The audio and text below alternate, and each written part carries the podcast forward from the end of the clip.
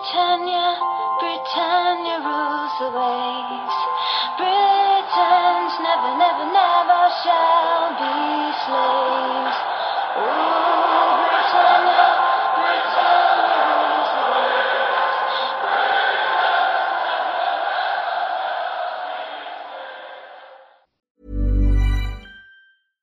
Sandra, and I'm just the professional your small business was looking for. But you didn't hire me because you didn't use LinkedIn jobs. LinkedIn has professionals you can't find anywhere else, including those who aren't actively looking for a new job but might be open to the perfect role, like me.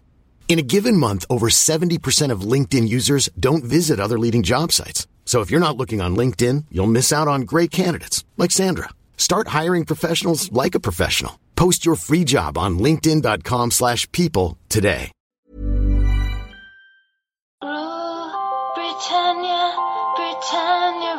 Rules the waves. Britons never, never, never shall be slaves. Ooh, Britannia, Britannia rules the waves.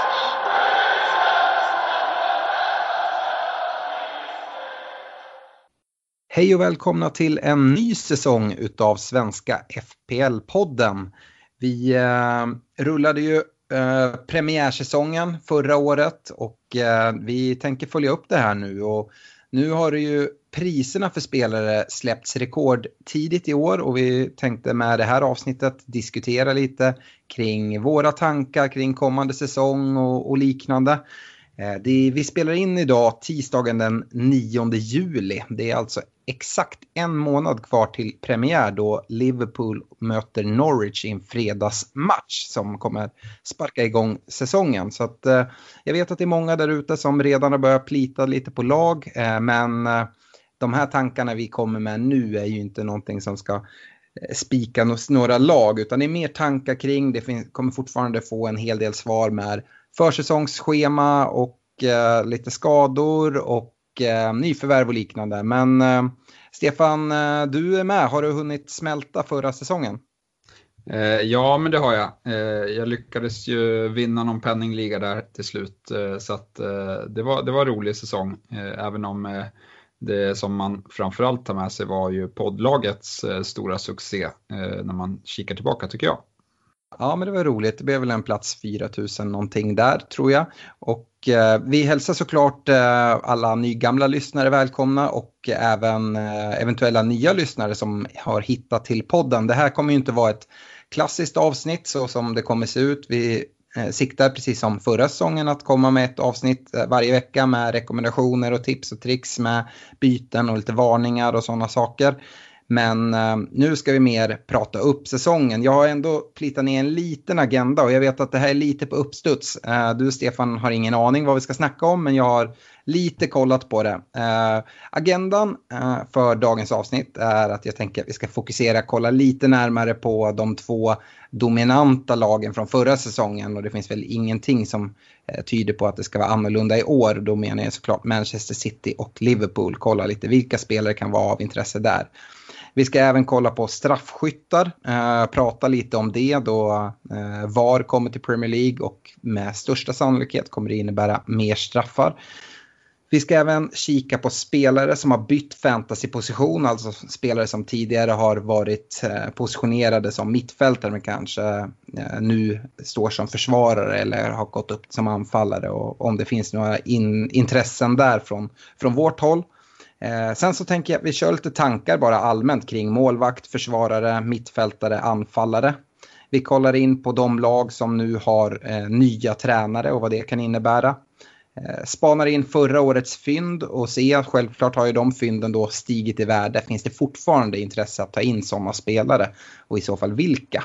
Eh, lite kort om spelscheman och sen så lyssna frågor har jag skrivit. Det är väl inte helt sant, men jag la ut på vår Facebook-sida eh, att vi skulle spela in ett avsnitt här eh, någon gång i dagarna och då kom det in lite tankar kring olika spelare och sådana saker. Så tänkte vi kan kolla lite vad folk har skrivit. Eh, hur tycker du det låter, Stefan? Ja, men det låter fantastiskt. Mm.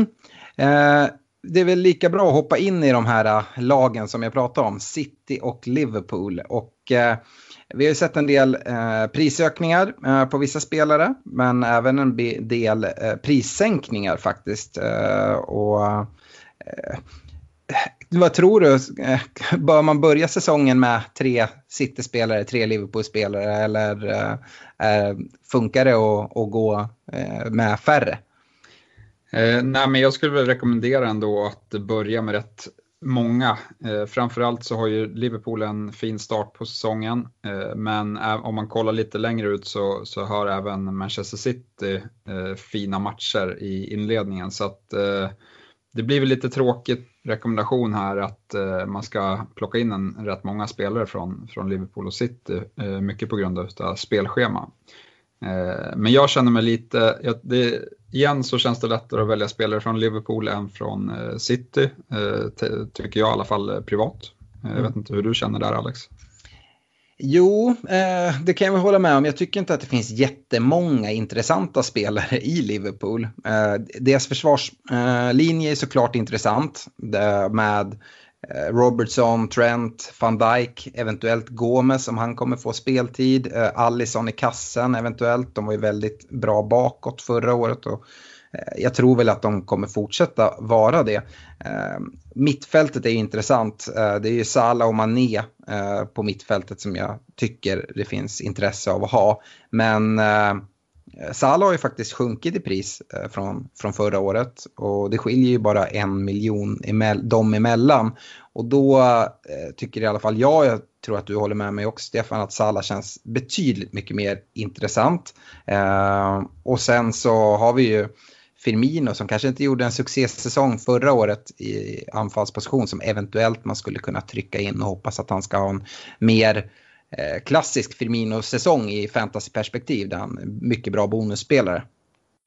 Eh, ja, nej, jag, jag håller med. Eh, jag, vad, vad sa du att det skiljer en miljon mellan, mellan Salah och Mané. Ja. Men, men jag, jag instämmer med dig där att jag lutar mig också mot Salah. Han känns mer pålitlig över en hel säsong även om Mané gjorde det väldigt bra i fjol det som är med, med Salah och Mané det är ju lite hur Liverpool kommer ställa upp. När, det här systemet som de, systemändringen som de gjorde verkade ju inte gynna Salah direkt utan snarare Mané. Vad, har du några tankar kring det? Ja, ja och nej. Jag, alltså jag vet inte vad jag ska... Salah tog ju ändå mer poäng, 30, ja, nästan 30 poäng mer än, än eh, Mané. Eh, och sen tänker jag också att eh, han tog också straffarna när inte Milner spelade och eh, Milner är väl ändå en spelare som ska fasas ut eh, här. Han börjar kännas eh, till åren eh, och borde få mindre speltid i åren än förra året. Mm. Eh, vi såg ju rejäla eh, prishöjningar om man kollar till exempel på Trent nu, han är uppe på 7,0 och han och Robertson är prisade likadant som på 7,0. Eh, jag tror att vi fick in någon i eh, eh, lyssnarfråga eller vad man ska säga som tyckte att det var eh, väldigt, eh, väldigt konstigt att, eh, att eh, Trent eh, prisas lika högt som Robertson. Men där vet jag att du håller, håller Trent eh, ja, men snäppet före Robertson. Ja, det tycker, jag det tycker jag i alla fall som han avslutar säsongen och eh, på det viset som eh, han tog eh, alla hörnor och merparten av alla frisparkar för, för Liverpool på slutet av säsongen. Eh, han skapade extremt mycket chanser eh, de sista tio omgångarna och eh, om det inte hade varit för hans eh, skada där på eh, några veckor så hade nog han legat med eh, och haft lika mycket poäng som, som Robertson, om inte mer till och med. Så jag håller honom jättehögt eh, inför den här säsongen. Ja, får inte fastna för länge och bara prata Liverpool här. Vi ska även gå över till City och sen gå vidare. Men eh, i försvaret är det ju många som kollar. Jag tror att det är ganska få lag, även om det har blivit liksom, det är rejäla priser för försvarare. 7,0 för Robertson och Trent, 6,5 för van Dijk som kanske är de mest intressanta försvarsspelarna. Eh, men det finns ändå fog för, för den prissättningen, eh, både för Robertson och Trent och eh, van Dijk jag vet, det är det som talar emot, men jag vet att vissa har kollat mot att trippla upp Liverpools försvar. Det är ju att lägga väldigt många ägg i samma korg och dessutom då låsa att man inte kan ha Sala eller Mané om man då föredrar att ha honom. Men ja, hur, vad säger du Stefan, man bör väl nästan ha en Liverpool-försvarare? Ja, jag tror att jag läste någon artikel på Fantasy Football Scout där att eh, just nu så är det effektiva eh, ägarskapet på, i, i Liverpools backlinje 140 procent och det innebär att eh, folk har mer än eh, en försvarare i Liverpool. Eh, så att om man bara plockar en försvarare då kommer man ligga efter i, i, mot den stora gruppen som verkar ha plockat 1,4 eh, eh, försvarare om man slår, över, eh, slår ut på alla lag som har plockats ut hittills. Mm. Vad lutar du åt då? Är det två Liverpool-försvarare och Sala eller hur går dina initiala tankar? Ja, det är, väl, det är väl så om man får ihop det prismässigt eh, som jag tänker. Eh, och det är mycket på grund av spelschema också, att eh, jag tänker att Sala är en, en fin kapten att ha i inledningen av säsongen. Eh, och att eh, jag har i alla fall historiskt inte gillat att sätta eh, kaptensbindeln på backar. Eh, men eh, det kanske man får ändra. De, de var ju väldigt, väldigt stabila hemma på, på Anfield och plockade mycket poäng även backarna. Men jag tycker det känns lite läskigt att eh, sätta kaptensbindeln där. Mm. Om vi lämnar Liverpool där, vi kommer ju komma med ett avsnitt här lite närmare ligastart där vi går igenom samtliga 20 lag, eh, inklusive då såklart de tre nykomlingarna där vi eh, lägger luppen på varje lag eh, för sig, kollar på vilka spelare som är mest intressanta. Vi gör det här närmare starten eftersom att då kanske trupperna är lite mer spikade, vi har sett lite försäsongsmatcher och sådana saker. men vi kikar in i, i City också. och som som du nämnde, det kanske är lite svårare att eh, lista ut Peps startelva än, eh, än Klopps. Och, eh, det jag kollar på bara snabbt när jag kikar det är väl eh, Kevin De Bruyne som eh, är prisad 9,5. Han har väl aldrig varit så lågt prisad någon gång i, i fantasyhistorien.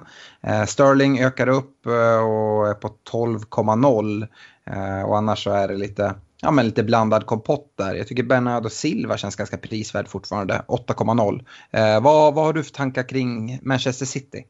Eh, ja, men jag tycker väl också det. Eh, jag tycker det känns rätt så intressant i försvaret, men jag kan väl eh, förvänta mig att det kommer värvas en del. Men eh, eh just nu om man kollar på det så borde väl både Stones och eh, Sinchenko vara eh, startspelare i, i det man ser, eh, det försvarsspelet man ser just nu. Eh, sen kanske det kommer komma in någon spelare där.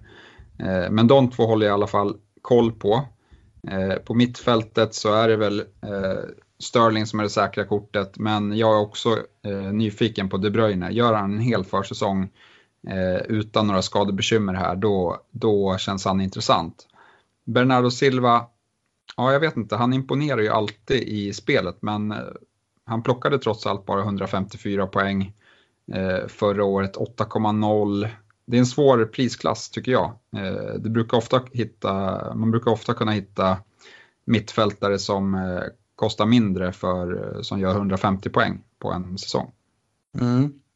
Vad tror du just om vi kollar upp på forwardsidan? Tror du Agüero kommer vara lika självklar den här säsongen som, eh, som förra? Han fick ju, eh, tidigare har vi vant oss att se han roteras ganska mycket men han var ett ganska tydligt första val förra säsongen.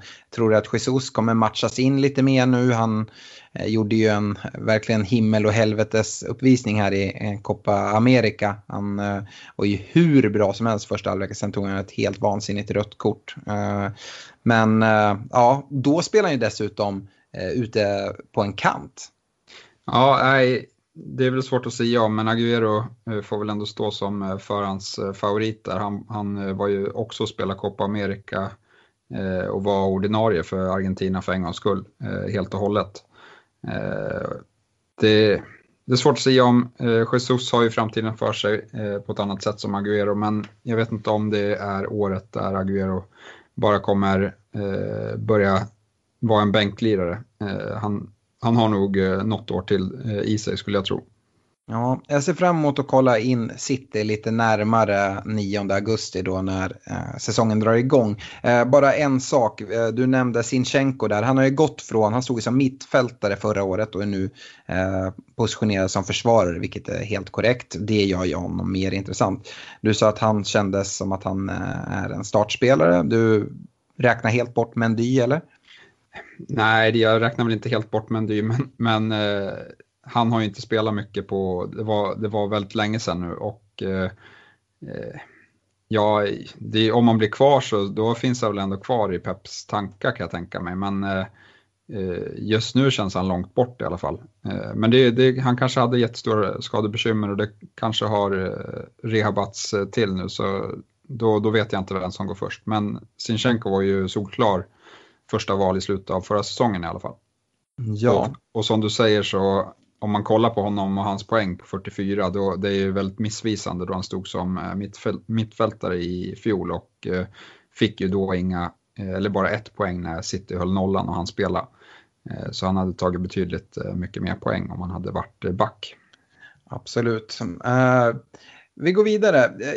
En nyhet för i år i Premier League kommer vara att det är ett inplanerat vinteruppehåll. Jag vet inte om alla känner till det så därför tänkte jag bara ta det. Vi vet inte exakt hur det här kommer påverka i fantasy för att det är inte inplanerat i matchschemat om man kollar i fantasypremierleague.com. Eh, men det kommer vara ett uppehåll i februari eh, och eh, varje lag kommer ha ett två veckors långt uppehåll. Men det kommer ändå inte innebära att det kommer vara några helger då det inte är matcher. Eh, de kommer alltså göra som så att eh, ena helgen kommer tio av lagen spela medan resten vilar och den andra helgen gäller det motsatta. Eh, och frågan är hur de kommer göra här, om vi kommer ha en game week som är två veckor lång, vilket kommer vara jättesvårt att eh, gissa på lag och med skador och allting. Eh, och sen alternativt om de lägger till och gör två game weeks utav en game week, eller om man ska säga att det blir en väldigt blank game week för tio lag och en blank för tio lag och sen så blir det 39 game weeks. Det är lite oklart, vi, vi får lite följa upp det här längre fram. Men eh, jag tror man ska vara vaken på det här och kanske tänka lite hur man ska navigera detta med chips eventuellt eller hur man, hur man löser det.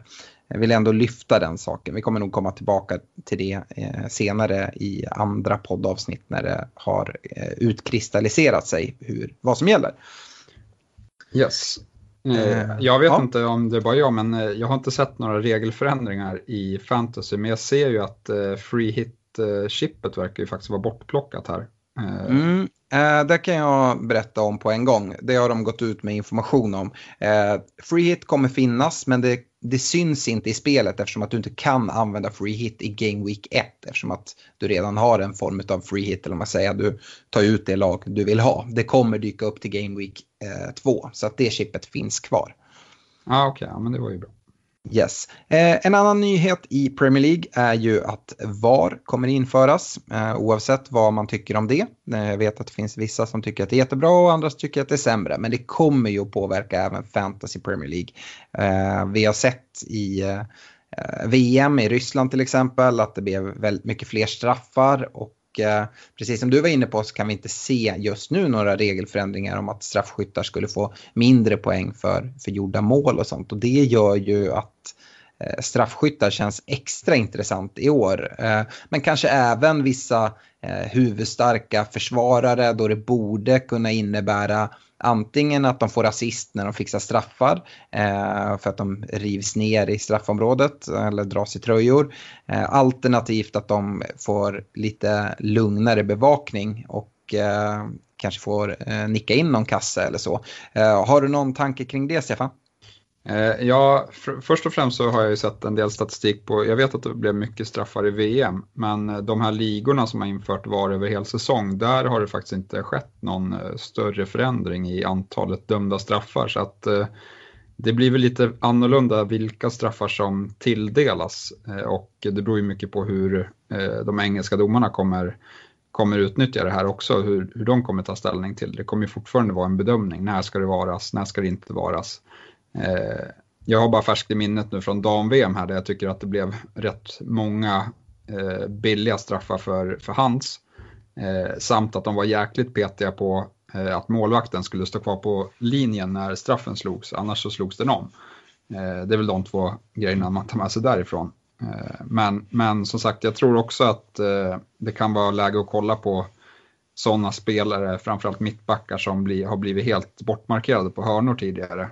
Eh, Van Dijk exempelvis eh, skulle kunna vara intressant ur den anledningen. Och sen kanske det blir eh, en del straffar som inte ges efter att ha vargranskats. Och då är det väl mer sådana situationer i spelet där domaren helt enkelt har blåst straff och där det inte borde ha varit det.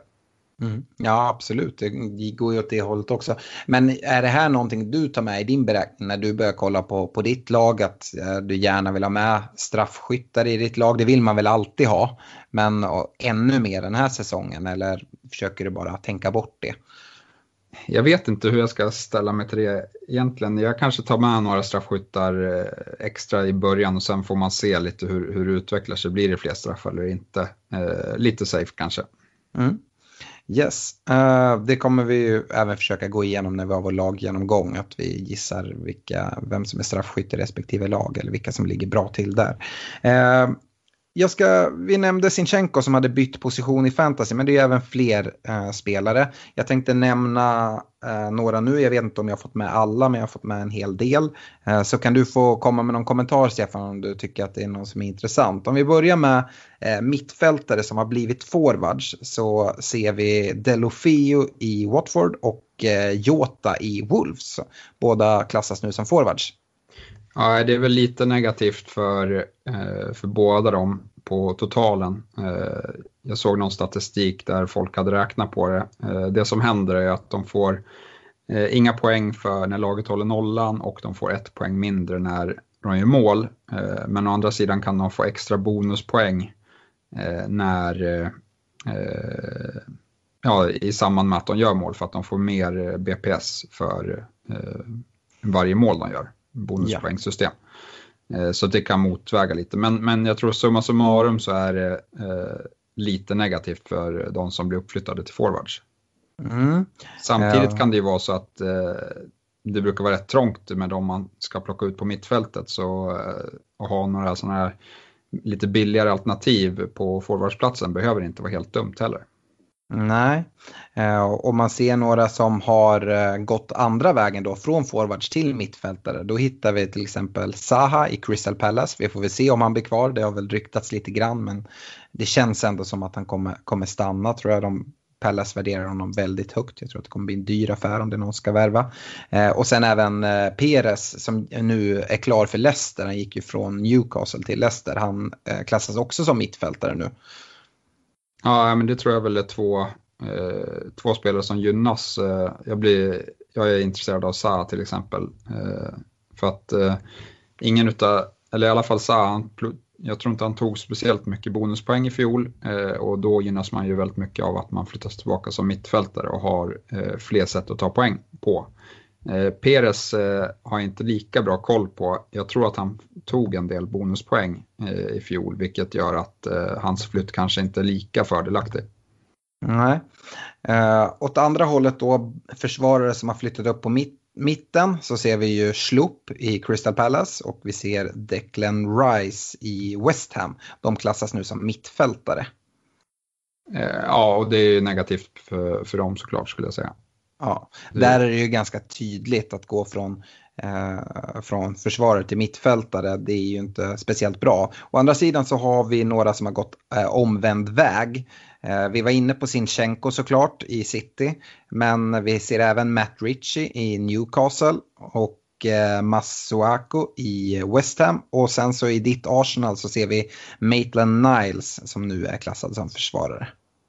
Ja, jag har inte mycket över för Maitland Niles efter Europa League-finalen. Han var ju bedrövlig. Eh, så att eh, han kommer nog tappa sin plats när Bellerin är tillbaka. Eh, men, men däremot så kan jag säga att Bellerin troligtvis missar starten av säsongen. Hans rehab har dragit ut på tiden precis som Rob Holding och ingen av dem kommer vara redo vad jag har förstått när Premier League drar igång. Så det är klart att för Maitland Niles skull så är det ju positivt att han står som back då han har chansen på nollor därifrån. Eh, och han fortfarande är offensiv. Eh, men du nämnde Matt Ritchie och hans tycker jag, liksom, han är ju, det är ett intressant eh, flytt att han har gått ner på försvaret. Men jag har ju Newcastle som solklara eh, nedflyttningskandidater nu med, när Benitez inte är kvar och de har skeppat Peres. Och, nej, det känns som att den där satsningen kommer bara krascha just nu. Ja, det är lite stökigt. Ja, vi får väl anledning att återkomma till eh, många av de här spelarna i laggenomgången säkert som är närmare, eh, närmare seriestart. Eh, nu går vi in på lite olika positioner och eh, vi börjar väl bakifrån. Eh, Stefan, dina tankar kring målvakter. Det finns ju eh, Tidigare har man sagt att det finns två eh, solklara strategier, men jag skulle säga att det finns tre. Eh, antingen kan man gå på en, eh, säg att man tar in Allison i Liverpool eller man tar in eh, eh, Ederson i City och sen så har man någon 4,0 målvakt som aldrig spelar. Eh, det är ett alternativ, annars så kan man välja att alternera mellan eh, två Eh, målvakter som är lite mellanpriskategori. 4,5 har man ofta gått på och har två stycken och så lite beroende på hemmamatcher eller spel, spelschema. Eh, men sen vet jag att du till exempel Stefan gick på taktiken att ha eh, två målvakter från samma lag. Du körde väl med, med Ryan och Button i Brighton. Har du någon tanke kring det här, någon strategi som, som du gillar mer än någon annan? Ja, jag har ju alltid gillat billiga målvakter, eh, men eh, jag var rätt besviken förra året. Eh, Brighton var ju rätt bedrövliga så att det blev, blev inte så jättemånga poäng från, från den strategin och jag sparade väl inte heller så jättemycket pengar då man kunde få både Allison och Ederson för 5,5 i fjol. Nu har han ju prisat upp de två till 6,0 igen. Så att, ja, jag vet inte vad, vad som är bästa strategin. Det talar egentligen för att den bästa strategin är billig målvakt här eh, i år. Eh, när de två bästa är prisade 6,0. Eh, men jag är ändå lite sugen på Ederson eh, just på grund av att jag tycker att det är svårt att välja spelare från, från City som är helt givna. Ja, jag tycker också att det är väldigt svårt att hitta bra 4,5 målvakter i år jämfört med tidigare år. Jag har kollat lite på det. Ehm, målvakter som tidigare har legat på 4,5 nivå Eh, har ju varit men, Crystal Palace målvakt i Guaita till exempel. Vi har haft Eh, Foster i Watford, Fabianski i West Ham. Alla de är prisade 5,0 nu. Eh, Patricio i Wolves också prisad 5,0. Eh, går man ner på 4,5, ja man kan få en Bournemouth-målvakt, vilket kan vara av intresse, vilket vi kanske kan komma till lite senare. Men där är det ju svårt att veta, är det Begovic, är det Boruc, är det han unga killen Trevor som kommer stå, alla är prisade 4,5. Eh, jag gillar ändå Brighton, du sa att det inte gick så bra, men de har fint spelschema. Ryan är prisad 4,5 där. Burnley kan du få en 4,5 målvakt. Men jag tycker att det är svårt att hitta 4,5 målvakter jämfört med tidigare år. Så vi får ja. se vem som blir första val i Southampton också. Eh, där har vi ju både Gunn och McCarthy. Eh, ja. Så att, eh, det kan också vara intressant. Absolut. Jag, jag har en känsla att det kan bli Angus Gunn. Eh, men ja, vi kommer få, få veta lite mer längre fram. Eh, Nej, men jag håller med dig i den analysen att eh, de har prisat upp väldigt många fler målvakter till 5,0 som man inte kommer vara speciellt sugen på. Mm. Så då är det så här frågan vart man ska lägga sig. En, en spelare som jag, eller en målvakt som jag eventuellt kan vara sugen på, lite beroende på, det är Juris i Tottenham för 5,5. Mm. Du tycker inte det är värt att lägga till de här 0,5 för att få Ederson då? Det är troligtvis det. Eh, och eh, ja, men det hänger lite på vilka andra spelare i City som ja. jag tror på. Hittar man till exempel en 5,5 back i, i City då, då går jag hellre på det. Ja, eh, jag har inte riktigt kollat på det. Om man ska ha två att alternera emellan så ska man ju kolla på eh, två målvakter som eh, roterar väldigt bra med hemmamatcher och sådana saker. Jag tror Bournemouth och Southampton eh, roterar ganska bra. Vi nämnde de har 4,5 målvakter. Eh, men eh, det är också någonting som kom, vi kommer kika närmare på. Nu är det bara första tankar kring, eh, kring priser och sånt.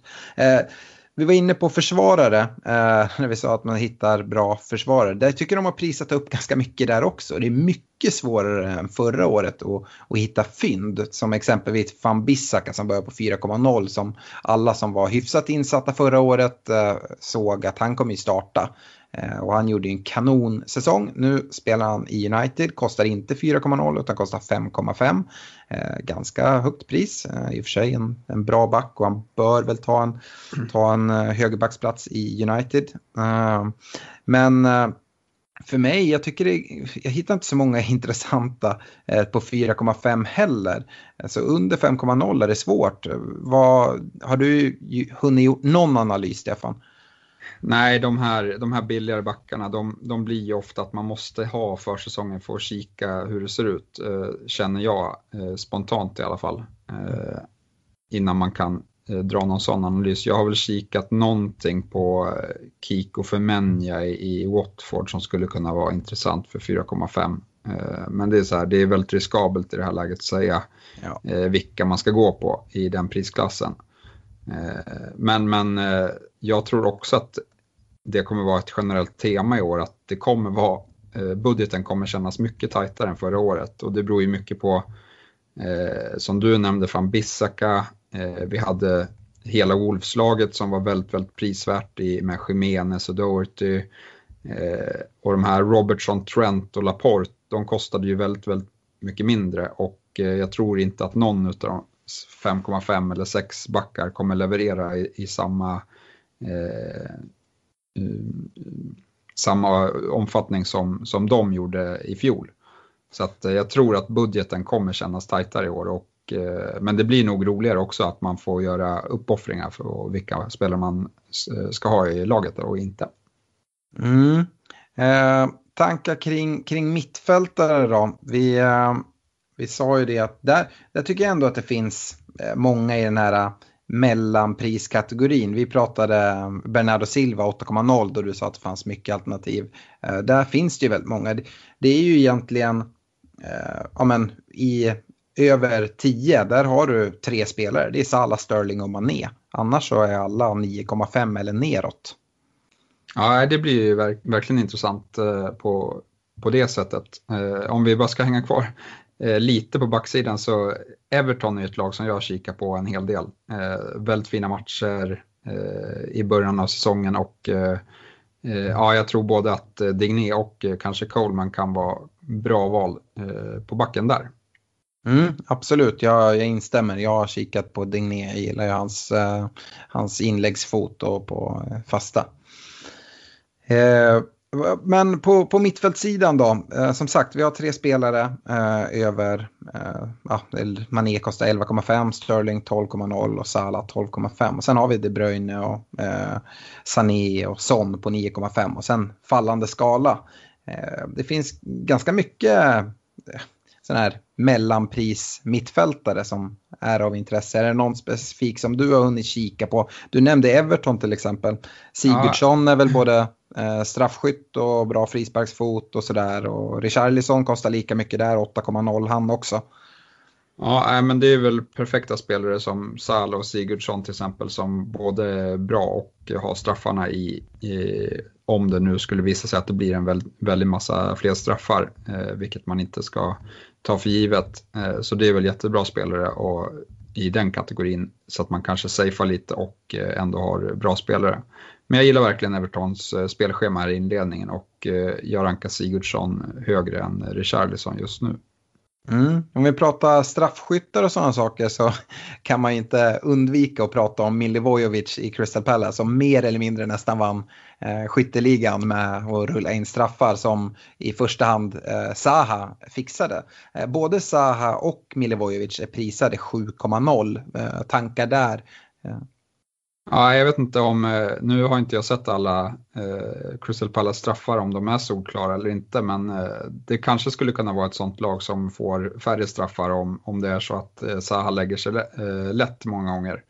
Eh, det vet jag inte, men, men eh, jag tror att jag lutar lite mer mot eh, Zaha eh, i det här, eh, för att jag tror att det kan inte vara så att de ska få 10 straffar per, per år. Nej, uh, det, det, kan jag väl hålla med om. Uh, vi, vi har även uh, en av våra, våra lyssnare som, som skrev in om Niklas Hamnefors skrev in. Den största price droppen någonsin måste ju vara Alexis Sanchez. han, han kostar 7,0 den här säsongen. Ja, nej, det, det, är en stor price drop, men jag vet inte om jag tror på honom eh, i år heller. eh, det ska väl dock till, tilläggas att eh, han faktiskt eh, var mycket bättre nu i Copa America än vad han har varit för United i alla fall. Ja, och nu är han skadad. Ja, okay. Eh, så han är inte i Australien med, med laget, utan han, han kör lite rehab själv. Så det, ah, det, jag, inte, jag lockas inte jättemycket. Eh, eh, en annan sak som, som många har kommenterat det är ju Chelsea. De, de tappar ju Hazard. Eh, det ska bli intressant att se vad det innebär. Värvningsförbud. I och för sig så hade de redan gjort klart med eh, Pulisic från Dortmund. Eh, det är väl den dyraste Chelsea-spelaren i spelet just nu tror jag på 7,5. Vilket känns lite, lite märkligt. Men eh, Ehm, ja, vad tror du? Kan William kliva fram och ta, ta lite av Hazards poäng? Han gillar ju att spela ute till vänster där han inte fått gjort så många gånger. Nej, det blir väl upp till bevis hur Lampard ställer upp det där laget. Ehm, kommer de spela med en renodlad forward eller inte? Jag vet Pulisic, han har spelat eh, nu i, i eh, Gold Cup heter det väl. Ehm, så han både spelar ytter och eh, centralt. Så att eh, han verkar vara ett Eh, Eh, flexibel vad gällande position. Eh, William tycker jag ser bra ut när han får börja eh, från vänstersidan så han är intressant om han tar vänsterpositionen skulle jag säga. Men det är mycket som är oklart och jag tror att vi kommer hitta en del fynd i Chelsea om, om Lampard får en, en bra start där för att jag tror att det är många yngre spelare som kan lyfta sig under, under honom. Mm, tyvärr för Chelsea så har de ju eh, långtidsskador både på Callum Hodgson och Doy och Ruben Loftus-Cheek. Jag gillade vad vi fick se från Loftus-Cheek eh, i förra, förra säsongen när han fick, eh, fick spela till slut. Men eh, aj, eh, när de kommer tillbaka kanske det kan vara intressant där att göra något fynd. Men uh, jag tror att Chelsea kan få ett ganska tufft år. Eh, men vi, ja, vi får se. Ja, det, det, är väldigt oklart, men så här, jag, jag, känner att det, det, blir antingen så blir det succé eller så blir det flopp. Eh, det blir inget mellanting tror inte jag. Så att, eh, eh, vi får helt enkelt eh, ha bevakning på, på Chelsea. Och eh, Loftus-Cheek när han kommer tillbaka tror jag är mycket intressant för att eh, han känns ändå som en spelare som hade ungefär samma position som Lampard hade när han eh, spelade för, för Chelsea och är målfarlig. Så att, eh, ja, han, han tycker jag känns intressant. Mm. Eh, när vi är på mittfältare kan man eh, få kasta in en sån här, uh, du måste välja en spelare och typ ta Citys mittfält och ta hänsyn till pris och sådär. Eh, Sterling 12,0 versus Kevin De Bruyne 9,5 versus Bernardo Silva 8,0. Ja, men jag tror att eh, på grund av att man har väldigt begränsat med, med, med, pengar så vet jag inte om jag kommer ha råd med Sterling även om jag tror att han kommer ta mest poäng. Eh, mm. Och då, då eh, med, om De Bruyne gör en bra försäsong här utan skadeproblem, eh, då, då går jag nog på honom. Mm. Uh, ska vi kliva över till forwards då?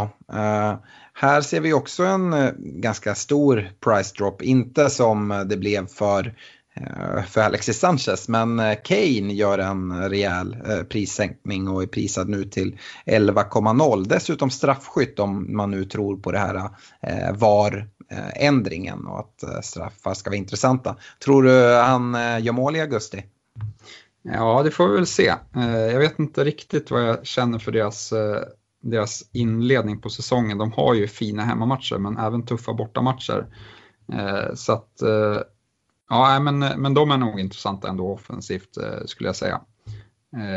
Och, men, men sen vet jag inte, jag tror heller att jag kanske går på eh, Son eller, eller Mora som står som mittfältare fortfarande över Kane faktiskt. Son ska man ju ha med sig avstängd efter hans eh, vansinnesutvisning eh, i förra, för, slutet av förra säsongen. Eh, så att eh, ja, han kommer ja, missa en drömöppning. De har ju Aston Villa hemma i första, första matchen. Eh, ja, borde det vara en bra match. Ja, men det höjer ju såklart eh, Keynes och eh, kanske Lukas Moras eh, eh, möjligheter här i inledningen av säsongen. Mm. Han gjorde det väldigt bra där i, Champions League i alla fall. Mm. Uh, om vi kollar andra premiumalternativ, vi var inne på Agüero. Eh, han är prisad 12,0, spelets dyraste forward. Men eh, vi vet ju vad man får därifrån och ett fantastiskt fint kaptensalternativ. Eh, är det en spelare som du eh, inkluderar i dina första drafts utav ditt lag? Eh, nej, faktiskt inte. Jag, jag, vet inte, jag har mer och mer blivit eh, eh, gillat billiga forward över dyra forward faktiskt. Eh, mm. Så att, eh, jag har inte tänkt så mycket på att ha honom med. Eh, mm. men, men man kanske får tänka om. Men jag tycker City har, eh, de har ingen så här match där man känner att de bara kommer köra över motståndet första, första tre i alla fall. Ingen sån hemmamatch. Sen det är Brighton i omgång fyra eh, som, som där känner jag väl att det kan bli intressant. Ja, sen, sen så står vi där efter, eh, efter premiären eh, Eh, då de har kört över West Ham borta med 5-0. Ja, det, det kan mycket väl hända, eh, absolut. Eh, men, men jag vet inte, sen, sen jag har väl lite, det kommer troligtvis inte påverka så mycket, men eh, det har ju varit mästerskap här i, i sommar, även om det inte har varit ett fotbolls-VM så så har ju Agüero varit iväg, Jesus har varit iväg, eh, spelar sydamerikanska mästerskapen. Eh, det är en del spelare som har varit iväg och spelat eh, Gold Cup och eh, sen har vi även afrikanska mästerskapen som kanske kommer påverka mest då jag tror finalen är först om två veckor ungefär. Mm. Absolut. Och, de spelarna som har varit iväg där och spelat, de ska väl ändå ha två veckors semester efter det tänker jag. Så att de kommer ju vara, ha väldigt kort försäsong i alla fall. Ja, och värt att skjuta in där är ju att den stora favoriten, det spelas väl i Egypten om jag inte har helt fel för mig och Egypten var väl en av de stora favoriterna att plocka hem det, men de har ju åkt ut så att uh, Salah påverkas inte av det. Heller inte El Neni i Arsenal, Stefan. Nej, det är ju fantastiskt att vi får ha honom tillgänglig. Uh, nej, men uh, skämt åsido, men, men Salah, det, den känns rätt viktig faktiskt uh, i hur man, hur man ser på det. Ja, där har ju, man är ju fortfarande kvar i turneringen så att där har det ju fördel Salah i, i det perspektivet. Ja, eh, om vi går vidare då på forwards, du, du pratade, vi pratade lite Agüero. Eh, om man kollar på Bournemouth som har ett väldigt fint spelschema, de har två nykomlingar de första matcherna, jag tror Aston Villa och, och Sheffield United. Eh, där hittar vi ju Wilson och King. Om vi gör en eh, där vilken man tar helst. Jag lutar ju mot King. Han är ju prisad mycket lägre. Wilson är ju upprisad till 8,0 och King eh, 6,5. Ja, men det, där håller jag nog med dig också. Ett, en och en halv miljon känns lite väl mycket. Eh, och eh, sen har vi också att eh, King är straffskytt över Wilson. Eh, så ja. Att, Eh, den är jag fullt med på. Jag tycker eh, det är för stort prisgap eh, att betala. Sen eh, är jag rätt förvånad att Wilson fortfarande verkar bli kvar. För att han mm. gjorde det fantastiskt bra förra året. Ja, Nej, men King tror jag är en spelare som, han är i alla fall långt med fram i mina tankar kring, kring lag. Jag tror vi kommer kunna se honom i ganska många lagbyggen. Eh, just med Bournemouths fina start också med spelschema. Eh, om man kollar på ett annat spelschema som ser betydligt tuffare ut, då går vi till Wolverhampton. Och där har vi ju förra årets succéspelare, Jiménez, som i stort sett alla lag hade. Eh, och sen så har vi även Jota då som är framflyttad i som forward i, i fantasy. Och hur går tanken där? Jag tror prisdifferensen bara är 0,5 va? Till, till Jotas fördel. Han är väl 0,5 billigare. Nej, det skiljer en miljon. En miljon, ja. 7,5 för Jiménez, 6,5 för Jota. Ja. Eh, nej, men de har ju en del tuffa matcher på, på pappret, men eh, hemma mot eh, topplagen så, så var de bra eh, i fjol också, så att det kanske inte behöver betyda så mycket Eh, självklart eh, nollorna kanske blir svåra att, att eh, greja, eh, men offensivt eh, tror jag att de är kapabla att störa både United som de ska möta hemma och Chelsea på hemmaplan. det mm. tror jag inte är någon omöjlighet i alla fall. Nej, och uh, Jiménez Jota då, Var, vart står du där? Jag, tycker, jag lutar åt Jota. Jag tycker att eh, han avslutar säsongen riktigt, riktigt eh, fint i fjol. Så att, nej, återigen på, på pris, eh, att han är en miljon billigare så, så tror jag att jag gillar honom bättre. Ja, jag gillar det också, men man ska väl ha med sig att Jiménez slog eh, en hel del straffar förra året om man nu går på det spåret. Eh, Annars, det jag vill flagga lite för, eh, för Wolverhampton, nu får vi se om det fylls på med lite nyförvärv, men jag tycker att det är en ganska tunn trupp. Vi såg ganska lite rotation, ja det kom i slutet när de i stort sett inte hade något att spela för i ligan men var kvar i FA-cupen. Men eh, annars har vi ganska lite rotation och eh, nu ska de spela Europa League. De ska kvala så de går in i turneringen tidigt. Um, ja, och plus det här tuffa spelschemat. Ja, mm, det kan bli tuffare för Wolves än vad, vad många tror, tror jag. Uh, det är ingenting du har funderat på, eller? Jo, det kan absolut bli det. De borde ju plocka in lite, lite spelare tycker man. Ehm, men samtidigt, det är ett kort eh, värvningsfönster så man kanske inte hinner få in alla man vill. Jag vet inte hur man ska se på det. Det är klart att eh, Eh, rotations, eller Jiménez, han har ju bet, han verkar ha bättre uthållighet än Jota, han spelar mer i alla fall. Eh, men det kanske också är så att han är så pass vital för laget att eh, han kanske måste spela vissa eh, Europa League-matcher också. Eh, det vet jag inte hur, hur eh, det kommer bli och att Jota vilas i Europa League. Just på grund av att han inte har samma kapacitet löpmässigt kanske. Vi får ju även se vart fokus läggs, om det är fullt fokus i ligan. Eh, just nu så kan jag tycka att eh, topp 6-lagen, eh, om vi bort, bortser från Eh, framförallt City och Liverpool som känns ganska trygga i topp 6. Så tycker jag att Chelsea med värvningsförbud som du sa, det kan bli himmel eller helvete med, med Lampard vid, vid rodret och värvningsförbud. Hazard är deras absolut mest vitala spelare Eh, på, ja, för väldigt många säsonger. Eh, har lämnat och, och så. De kan få det tufft. Arsenal som mer eller mindre saknar en eh, vettig backlinje och verkar inte vilja göra några nyförvärv som det ser ut. Eh, United som gör en del nyförvärv men som ja, men har vacklat och man vet inte riktigt var, var Solskär står. Um, det kan ju öppna upp sig att uh, det är något lag som kan spränga sig in i, i topp 6 eventuellt om man gör det väldigt bra. Wolves skulle kunna vara ett sånt lag om de får bygga vidare på det de hade förra året om de kanske inte prioriterar Europa så mycket. Andra lag kan vara Everton och Leicester som också gjorde det väldigt bra, framförallt i, i slutet av förra säsongen. Så uh, det kan ju vara så att Wolves kanske lägger Europa League och bara egentligen mer eller mindre vaskar den. Vi såg väl Burnley gjorde det för någon, någon säsong sedan. Um, så det kan ju också vara någonting som händer. Vi, vi får, får följa det såklart. Ja, men jag håller med helt i din analys där. Eh, Liverpool City jätteklara eh, etta, tvåa. Spurs känns för stabila för att släppa tredjeplatsen och eh, sen tycker jag det finns stora risker i både Arsenal, United och City. Så att, ja, och jag håller med om de tre lagen som... Eh, Chelsea menar du, du sa ja, City där. Ja, sorry, eh, Chelsea. Eh, och jag håller med om att de tre lagen som bör utmana är ju Everton, Leicester och Wolves. Yes. Um, vi har ju pratat en del om att Lampard kommer till Chelsea, men vi ser ju även nya tränare i Brighton och Newcastle. Newcastle, vad jag vet, har inte gjort klart med någon, men eh, Benitez har tackat för sig, vilket eh, inte känns så fördelaktigt, det var du inne på, för, för Newcastle. Vi får se vem som kommer in där istället, men jag har svårt att se att det ska bli någon som ska göra det bättre. Eh, jag tycker Rafa har gjort det fantastiskt med de begränsade resurser han har haft.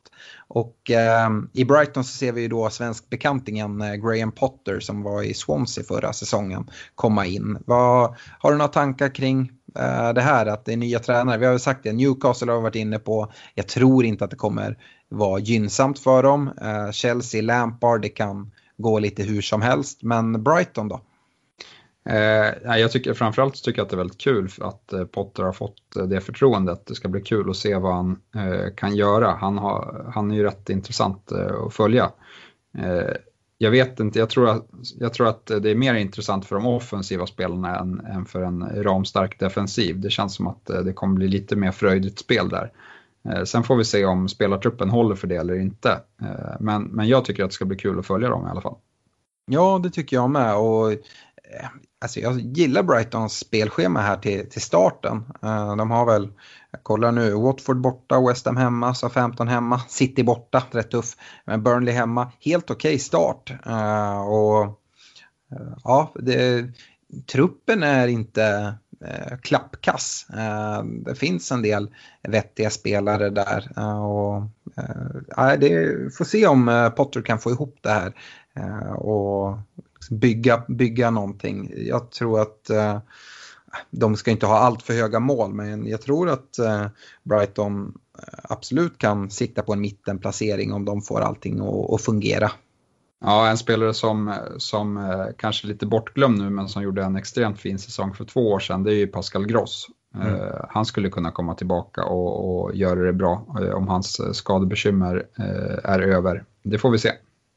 Ja. Eh, vi eh, går vidare, kollar på förra årets fynd. Det finns ju några stycken, vi nämnde det, Wolves, mer eller mindre hela laget. Men eh, om vi ska börja med Wolves då så eh, utöver Jota som vi har pratat en hel, hel del om, han har ju såklart stigit i värde men inte supermycket. Kollar man däremot på en spelare som Matt Doherty som gjorde riktigt stor succé. Han kostar nu 6,0 för en Wolves-försvarare. Sen så hur mycket försvarare han är, det är ju en annan fråga. Men eh, finns det fortfarande något värde i Doherty 6,0 eller hans eh, backkollega Johnny 5,5? Eh, det kanske det gör om, spelschemat, om de har spelschemat med sig. Och eh, när jag kollar på det i inledningen här så har jag svårt att se hur de ska hålla jättemycket nollor i början. Eh, och därför kommer jag rata deras, eh, deras backar eh, helt och hållet i inledningen i alla fall. Mm. Doherty och Jonny har man ju i och för sig inte för att uh, få nollor utan uh, de spelar ju mer eller mindre som ytterforwards båda två. Uh, ja men det, det håller jag i och för sig med om men, men som sagt det är också lite, jag tror att de kommer vara mindre offensiva mot, mot topplagen än vad de kommer vara mot, mot sämre lag.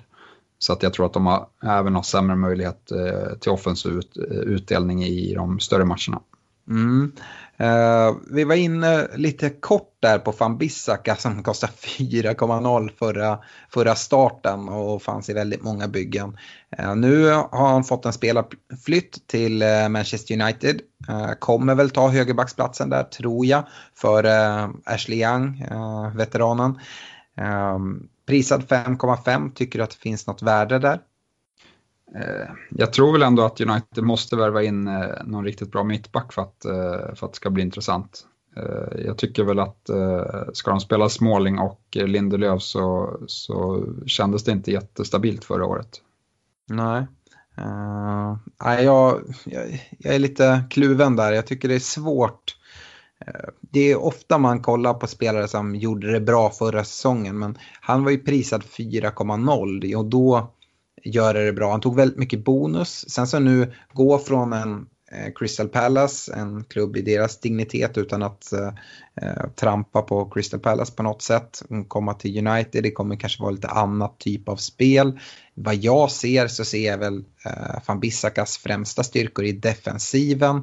I United så Eh, vill man väl i alla fall som United-supporter hoppas att det ska läggas mycket fokus på offensivt spel. Eh, och jag vet inte hur det påverkar hans eh, bonuspotential och sådana saker. Det är väl någonting man får, får väga in i det. Mm. Ja, men jag är lite osäker på United men, men det är möjligt att de får, får ordning på det. Men Herrera är borta nu. Det ryktas ju väldigt mycket om Pogba. Vi får se vad som händer. Eh, det känns lite som ett lag som, som, eh, där det finns mycket frågetecken i alla fall just nu. Mm. Vad har vi mer för fynd från förra året? Fraser i Bournemouth, han är prisad 7,5 i år. Eh, vad, vad tror du där? Ja, det är ju det är rätt saftigt eh, prishöjning eh, skulle jag säga. Men samtidigt, han, han och, och, Wilson hade ett väldigt, väldigt eh, fint samspel och blir båda kvar så, eh, så är de intressanta. Eh, eh, sen har vi en avvägning, där kan man väga in att Brooks, jag tror han kostar 6,5, eh, gjorde sin debutsäsong förra året och eh, ska man vara helt ärlig så var det ju en fantastisk eh, debutsäsong i Premier League och kan han bygga vidare på det eh, härifrån så blir han, han väldigt intressant. Mm. Är det något annat fynd från förra året som du tycker jag har missat som eh, vi kan kika lite på eller eh, ska vi nöja oss så? Nej, det är väl inga fynd riktigt så med. Eh, Madison var väl bra mm. i, i fjol, kostar 7,0. kan nog fortsätta göra bra med poäng för, för de pengarna. Det är lite så här andra säsongen, det, är, han var, det var också hans första säsong i Premier League och de bästa spelarna de höjer sig andra säsongen så liksom nu är frågan, ska, ska de etablera sig på riktigt eller kommer de eh, falla, falla tillbaka lite? Precis. Eh, jag tror jag såg, eh, får rätta mig om jag har fel, men jag tror jag såg att Juri Thielemans är helt klar för Leicester. Jag tror det blev klart igår. Han var ju på lån från Monaco men att han nu har gjort en permanent flytt till, till Leicester. Tankar där, kring honom? Nej, där har han gjort eh, fantastisk eh, affär eh, jättebra värvning eh, och eh, han visade ju förra säsongen att han kan leverera eh, fantasypoäng också. Leicester såg ju riktigt spännande ut under Rodgers så jag tycker man ska hålla alla deras spelare under bevakning inklusive Vardy. Lite tuffa bortamatcher i inledningen här men även överkomligt schema i övrigt så att man ska nog inte helt ignorera Leicester. Nej om vi ska prata lite spelscheman då. Fördelaktiga spelscheman, jag har kollat lite då jag har kollat typ eh, de första sex gameweeksen. Jag tycker inte man behöver kolla så mycket längre. Det är ju ganska vanligt att man drar ett hyfsat tidigt eh, wildcard. Eh, men City-Liverpool har vi varit inne på. Men även Everton, Brighton, Bournemouth. Är det något annat lag som du har identifierat som tycker ser väldigt intressanta ut? Alltså Southampton, det var så här, Sheffield har ju en fin inledning på säsongen men eh, där vet man ju, det är för tidigt att säga eh, ja. var, vart de kommer stå. Eh, framförallt, eh, eller ja det är väl egentligen i början de kan överraska offensivt eh, om man ska se det på det sättet eh, att eh, nykomlingarna kommer upp och utmanar. Mm. Ja, vad har vi mer? jag tycker väl, har inte har inte Watford kanske kan ha en helt okej inledning? Jo, det, det har du, har du nog rätt i. Eh, ehm, vi ska ju såklart identifiera mer när vi går igenom laggenomgången vilka som vi tycker ser väldigt intressanta ut så. Eh, om vi kollar lite mer åt negativa spelscheman. Eh, har du sett Norwich startschema eller? Ja, det ser ju rätt tråkigt ut. ja, eh, jag, jag har varit inne lite och snackat eh, Temo Pukki och du har sagt att du aldrig ska ha en finsk eh, spelare i ditt fantasylag. Eh, nu var han prisad 6,5, det kanske jag tycker är lite för mycket. Eh, jag hade hoppats att han skulle gå in lite lägre. Eh, men eh, de har ju tuffa, eh, tuff start, alltså på första första fem matcherna så möter de Liverpool, Chelsea och City. Eh, bland annat. Så eh, man kanske får se där lite, då kan man få smyga igång och, och kika in finländaren, se om man kan vara något sen. För att sen så eh, öppnar deras spelschema upp sig lite bättre och man kanske eh, kan nappa någon eh, Pukki eller någon annan eh, som eh, visar, visar eh, fin, fin form.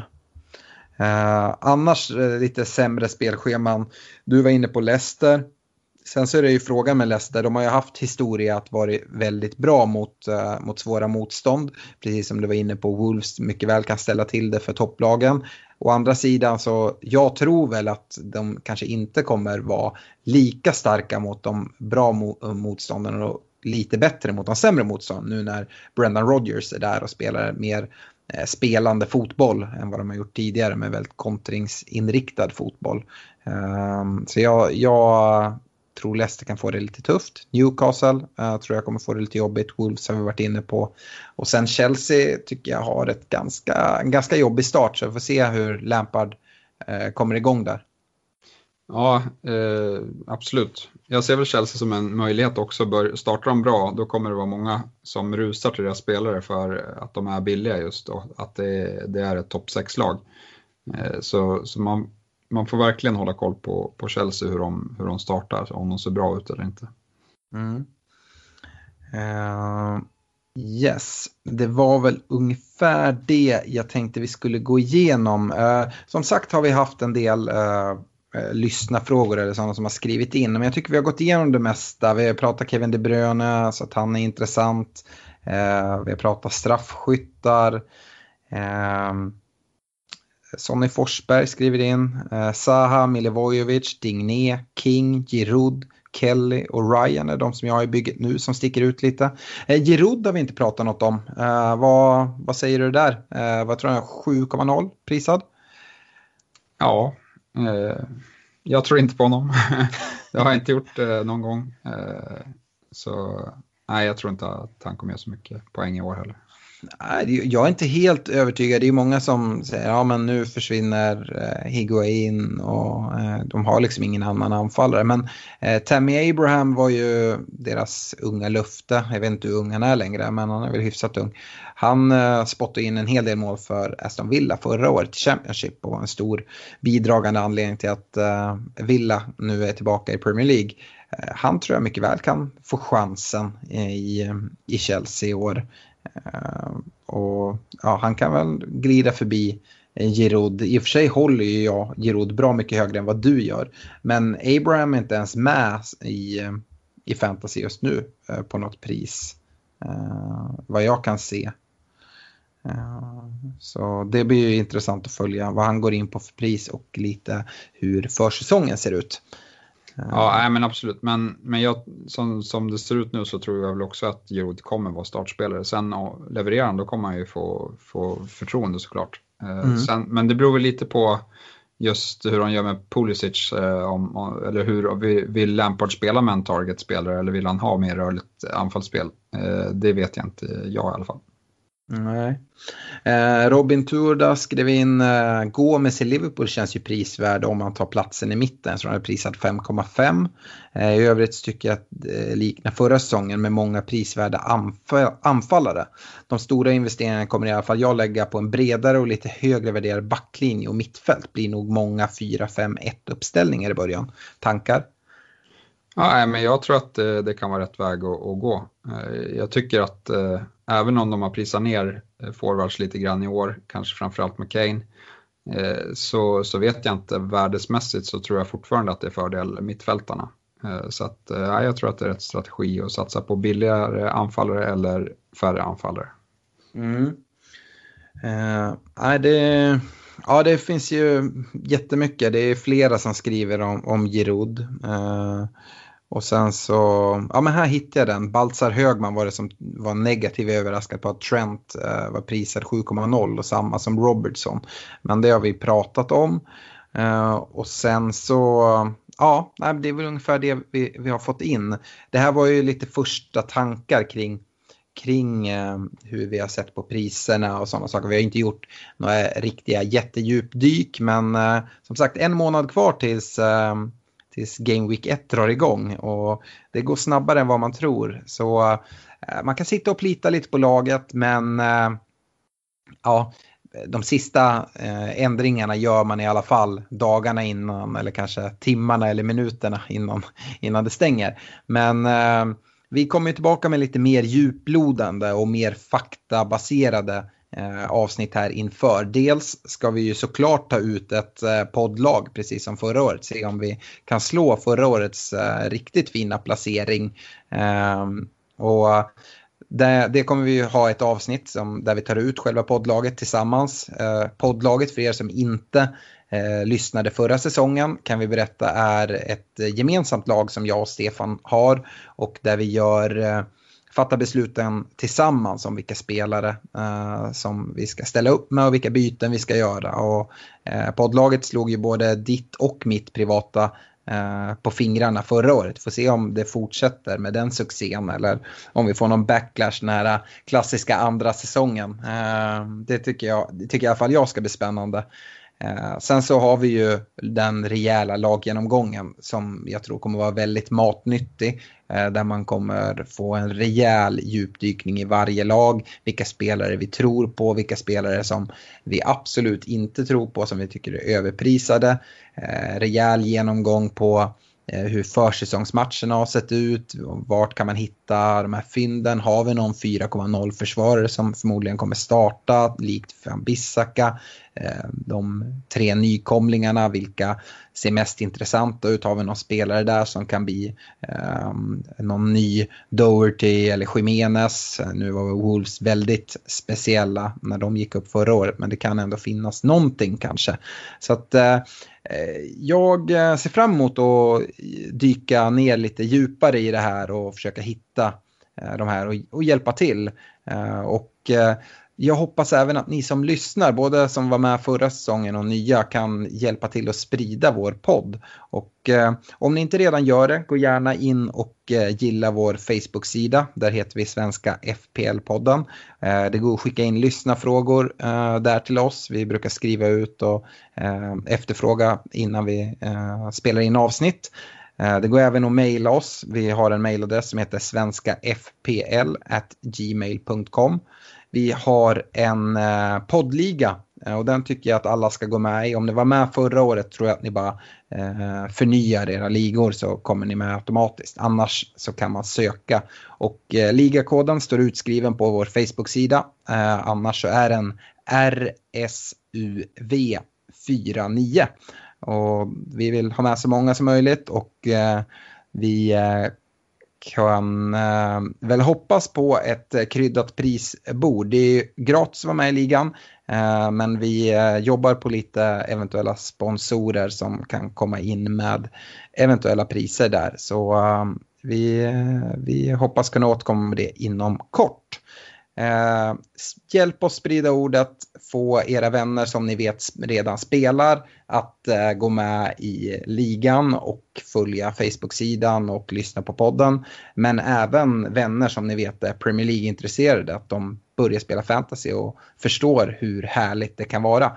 Eh, skapa egna kompisligor och eh, utmana varandra. Eh, har du något annat att fylla i, Stefan? Nej, man är ju sjukt taggad nu på att eh, försäsongen ska dra igång här så att man får lite mer information. Eh, och, eh, men det går ju fort, det är bara fyra veckor kvar så att man kommer inte behöva vänta allt för länge.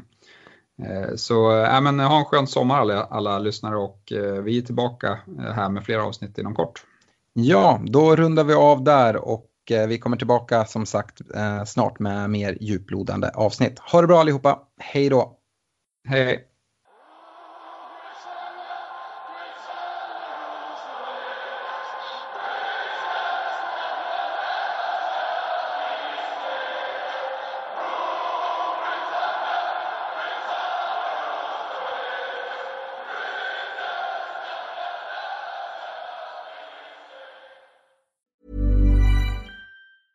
Cool fact a crocodile can't stick out its tongue. Also, you can get health insurance for a month or just under a year in some states. United Healthcare short term insurance plans, underwritten by Golden Rule Insurance Company, offer flexible, budget friendly coverage for you. Learn more at uh1.com.